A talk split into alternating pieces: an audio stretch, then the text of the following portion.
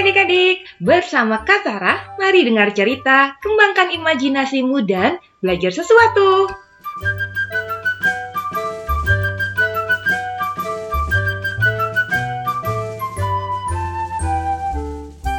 Cerita kali ini berjudul Kerbau dan Burung Jalak Hitam.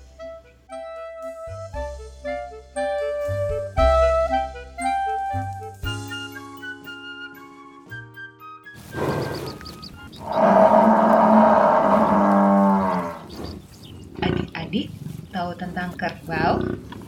Ini suara kerbau. Nah, kerbau sering membantu Pak Tani dalam membajak sawah karena kerbau dapat bergerak di lumpur dengan baik. Kerbau termasuk hewan berkaki empat yang kuat. Kerbau punya tanduk dan biasanya berwarna hitam. Kerbau makan apa ya? Kerbau mau makan rumput. Nah, bagaimana dengan burung jalak hitam? Adik-adik ada yang tahu? Kalau belum tahu, ini nih suaranya. Nah, jalak hitam sesuai dengan namanya, pastinya mayoritas bulunya berwarna hitam. Di bagian mata berwarna kuning dan putih. Paruhnya juga berwarna kuning.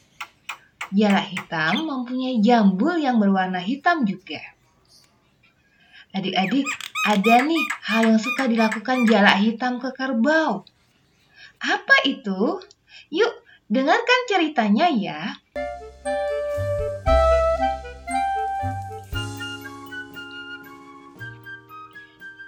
Kerbau baru saja selesai membantu Pak Tani membajak sawah.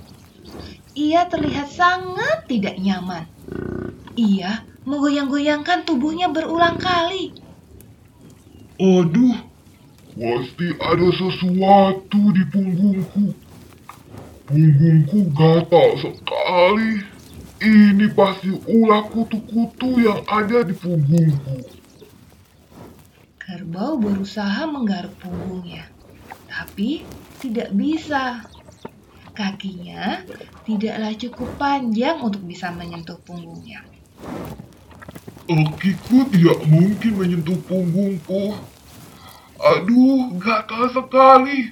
Aku sudah berusaha menggoyang-goyangkan tubuhku supaya kutu ini terlepas dari punggungku.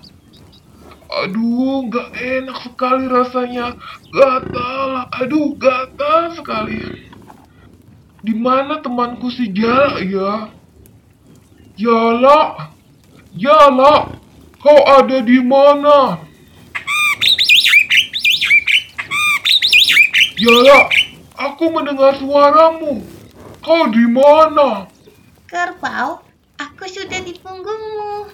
Ada apa? Apa yang bisa aku bantu? Tolong carikan kutu di punggungku dong. Rasanya gatal sekali. Wah, kebetulan sekali. Aku memang sudah lapar. Sini sini, aku bantu. Aku akan cari kutumu dan kutumu akan kumakan. Kamu pasti suka karena kutunya akan hilang, badanmu tidak gatal, dan aku kenyang. Burung jalak yang telah berada di punggung kerbau segera memakan satu persatu kutu yang mengganggu kerbau. Kerbau, sepertinya sudah tidak ada kutu di punggungmu lagi kerbau. Dan aku sudah kenyang sekali. Wah, terima kasih sekali burung jalak. Ah, enak nih.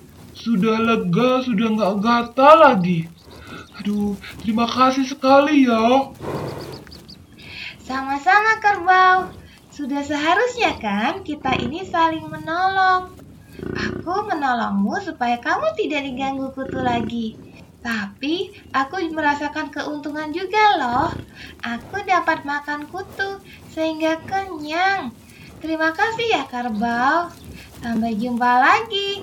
Aku pergi dulu ya. Iya, sampai ketemu lagi. Terima kasih. Nah, adik-adik, apa yang bisa kita pelajari dari cerita ini? Ternyata persahabatan kerbau dan burung jala hitam adalah persahabatan yang saling membantu dan juga bermanfaat loh. Kerbau dibantu jalak sehingga tidak ada kutu lagi. Jala hitam juga membantu. Eh, dapat makanan juga. Jadi, mereka sama-sama saling membantu dan mendapatkan keuntungan.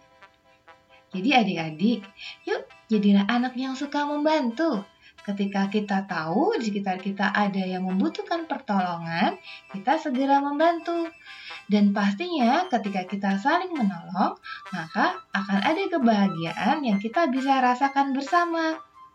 Jadi anak-anak yang suka menolong ya.